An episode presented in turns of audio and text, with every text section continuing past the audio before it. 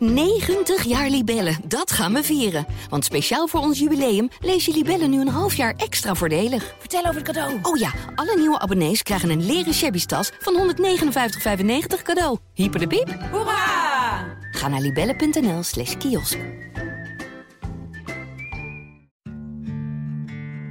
Na het overlijden van mijn broer hadden mijn ouders veel troost gevonden in het geloof. Wat was mijn coming-out me waard? Welkom bij aflevering 19 van Mijn Geheime Verhaal. Leuk dat je luistert. In deze podcast van Margriet hoor je de waar gebeurde verhalen van vrouwen zoals jij en ik. Verhalen die deze vrouwen niet aan de grote klok hangen. En als je ze beluistert, snap je waarom. Dit keer het verhaal van Helene, die haar ouders nooit heeft durven vertellen dat ze lesbisch is. Toen mijn moeder overleed, een klein jaar na mijn vader, heb ik even getwijfeld of ik mijn partner Marissa zou meenemen naar de begrafenis. Iets in mij dacht: nu zal ik iedereen eens een poepje laten ruiken.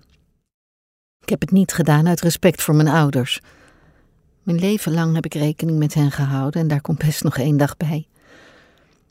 Maar hoewel ik mijn ouders mis, ben ik ook opgelucht dat ik niet langer met een geheim hoef te leven. Ik ben geboren in een zwarte kousengemeenschap.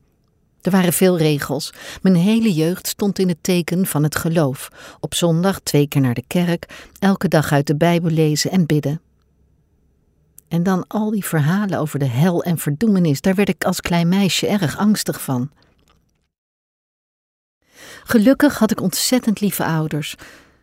Ze waren koesterend, zorgzaam. Na de dood van mijn broer, die op zijn achtste overleed bij een ongeluk met de trekker, waren wij met z'n drieën heel hecht.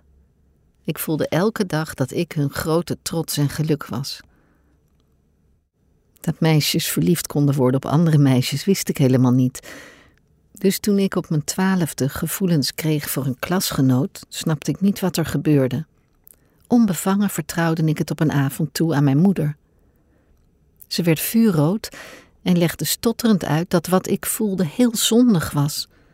Vanaf toen was er de schaamte, de strijd met mezelf. Want ik bleef op meisjes vallen en kon me niet verzetten tegen erotische fantasieën. Hoeveel ik ook bad, het ging niet over. Wat heb ik me vaak slecht en schuldig gevoeld. Uit wanhoop heb ik me op mijn 22e zelfs verloofd met een jongen van onze kerk, met de gedachte: de liefde zal wel groeien. Maar ik besefte dat ik niet kon doorgaan met deze farce. Dat ik de verloving verbrak en vertrok naar de grote stad was een schande. Mijn ouders leden onder de roddels uit het dorp en waren bezorgd dat het mis zou gaan met mij. Ik vond een huis, een baan en had het goed voor elkaar. Maar al die tijd sluimerde mijn geaardheid. Na veel gesprekken met een progressieve dominee ging ik mezelf langzaam accepteren.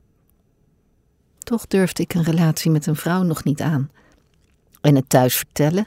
Al helemaal niet.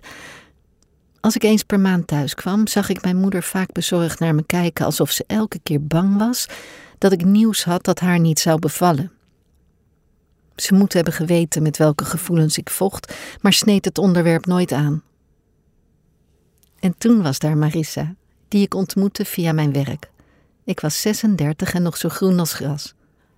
Alles wat ik eerder had gevoeld viel in het niet bij hoe ik nu in vuur en vlam stond.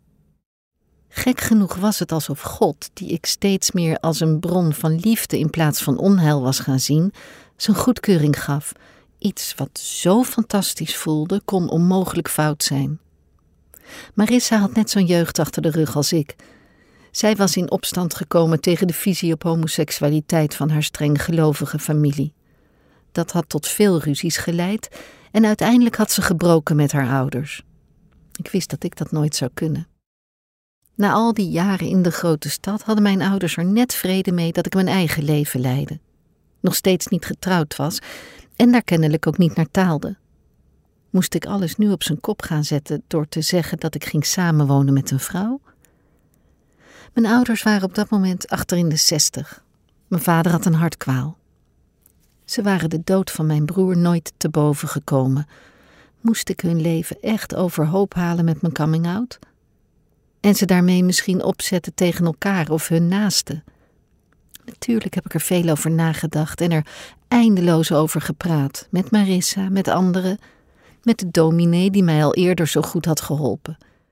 Want het ging ook over mezelf, mijn eigen waarde. Kon ik verder met mijn ouders, oprecht van ze blijven houden als zij mij niet zouden accepteren? Wat was mijn coming-out me waard? Na lang twijfelen besloot ik mezelf opzij te zetten en te blijven zwijgen over mijn geaardheid en levensstijl.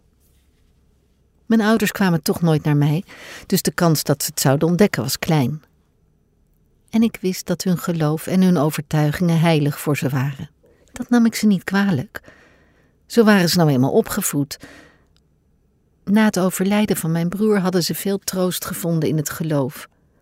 Alleen de gedachte dat dit Gods bedoeling was, hield ze op de been. Om dan nu te gaan morrelen aan hun normen en waarden, voelde niet goed. De zestien jaar dat ik samen was met Marissa terwijl mijn ouders nog leefden, heb ik mijn grote liefde nooit meegenomen naar mijn geboorteplaats. Ik ging in eentje naar feestdagen en verjaardagen, ontmoette familie en verlogende een belangrijk deel van mijn leven, terwijl Marissa en haar twee kinderen, met wie ik een gezin vormde, thuis tegen een lege stoel aankeken. Ook zat ik niet op social media en liet ik nooit foto's plaatsen waar ik met Marissa op stond. Maar toch heb ik geen spijt. Ik gunde het mijn ouders dat ze konden sterven zonder dat hun liefde voor mij op de proef werd gesteld. Maar natuurlijk is het fijn dat ik nu niets meer te verbergen heb. Eindelijk mag ik trots zijn op mijn grote liefde en op ons geweldige regenbooggezin.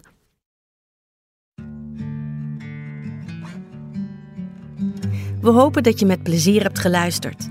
Meer geheime verhalen horen? Abonneer je op deze podcast. In de volgende aflevering hoor je hoe de nieuwe liefde van Eveline een open relatie heeft met zijn vrouw.